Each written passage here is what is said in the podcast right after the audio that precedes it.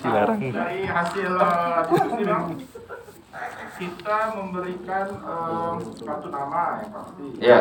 Terus eh, kita memberikan eh, cara mereka kontak kita. Terus menjelaskan portfolio dan pengalaman. Hmm. Nah, kemudian dari sisi si calon, kita cari background mereka kita apakah cocok dengan produk kita atau jasa kita. Jadi screening dulu di sini. Dari sisi kita lagi, value kita itu apa? Kita harus sampaikan kepada si calon kelebihan objektif yang eh, ilmunya dari Bang Kiming. Hmm. Terus kalau ada yang bisa di demonstrasikan, demonstrasikan. Terus garansi tadi dari Pak Joko tadi kita kasih garansi. Ini Pak Sultan. Kalau pas diajak makan katanya bang. Silakan bang. Di- Oh. Dicaci maki bang. Oke, tapi tapi ini betul. Dia kelompok ini betul bahwa dia tidak menspesifikkan. Ini kliennya datang sendiri apa kita datengin? Online apa offline itu beda treatmentnya loh ya. Kalau dia datang sendiri ke kita, berarti kamu tidak perlu banyak cakap untuk menjelaskan dirimu siapa. Contohnya nih, Mas siapa nama? Joko. Joko. Mas Joko, random aja nih kebetulan ketemu di Ciwok misalkan kan. Mas Joko ya, mau nggak jadi klien saya? Mungkin nggak ada orang begitu.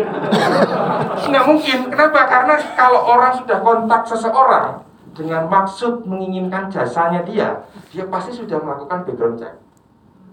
Nggak mungkin random kan? Berarti kalau misalkan kasusnya itu adalah kliennya sudah kontak dia, tugasmu adalah make sure ini bocah nggak bisa lepas. Caranya apa? Langsung kamu tunjukkan, oh kalau tempat saya kelebihannya ini ini. Jadi nggak perlu kamu jelaskan portofolio itu udah kuno. Bilang aja kelebihan saya ini dibanding yang lain titik. Contohnya nih, misalkan misalkan bisnis apa misalkan bisnis konsultan psikologi misalkan kayak Mas Mas Sultan misalkan. Kenapa kok harus Sultan Mas? Ada orang halo Mas Sultan, ini Mas Sultan yang membuka konsultasi bisnis psikologi ya? Apa iya? Mas Sultan ngirimin saya portofolio dia lulusan sarjana psikologi. Nggak perlu kan karena sudah tahu dia psikolog kan? Nah dan seperti kamu bilang apa? Oh iya kebetulan perbedaan kita dibandingkan dengan yang lain adalah bla bla bla bla. Sesingkat singkatnya tapi menohok kenapa orang Indonesia tuh sangat jarang suka membaca? Berita aja dibaca adalah judulnya judulnya aja kata pertama ya kan? Kalau kata pertama tulisannya gala wah langsung rame kan? Nggak tahu gala apa nggak ada bahwa gala langsung rame kan? Begitu. Jadi kita harus lihat itu dulu nih. Tapi kalau kasusnya kita nembusi orang itu harus bikin portofolio tapi tidak bertele-tele. Saya menyarankan portofolio yang kamu sampaikan kepada klienmu jika memang kamu itu yang nembusin satu lembar cukup.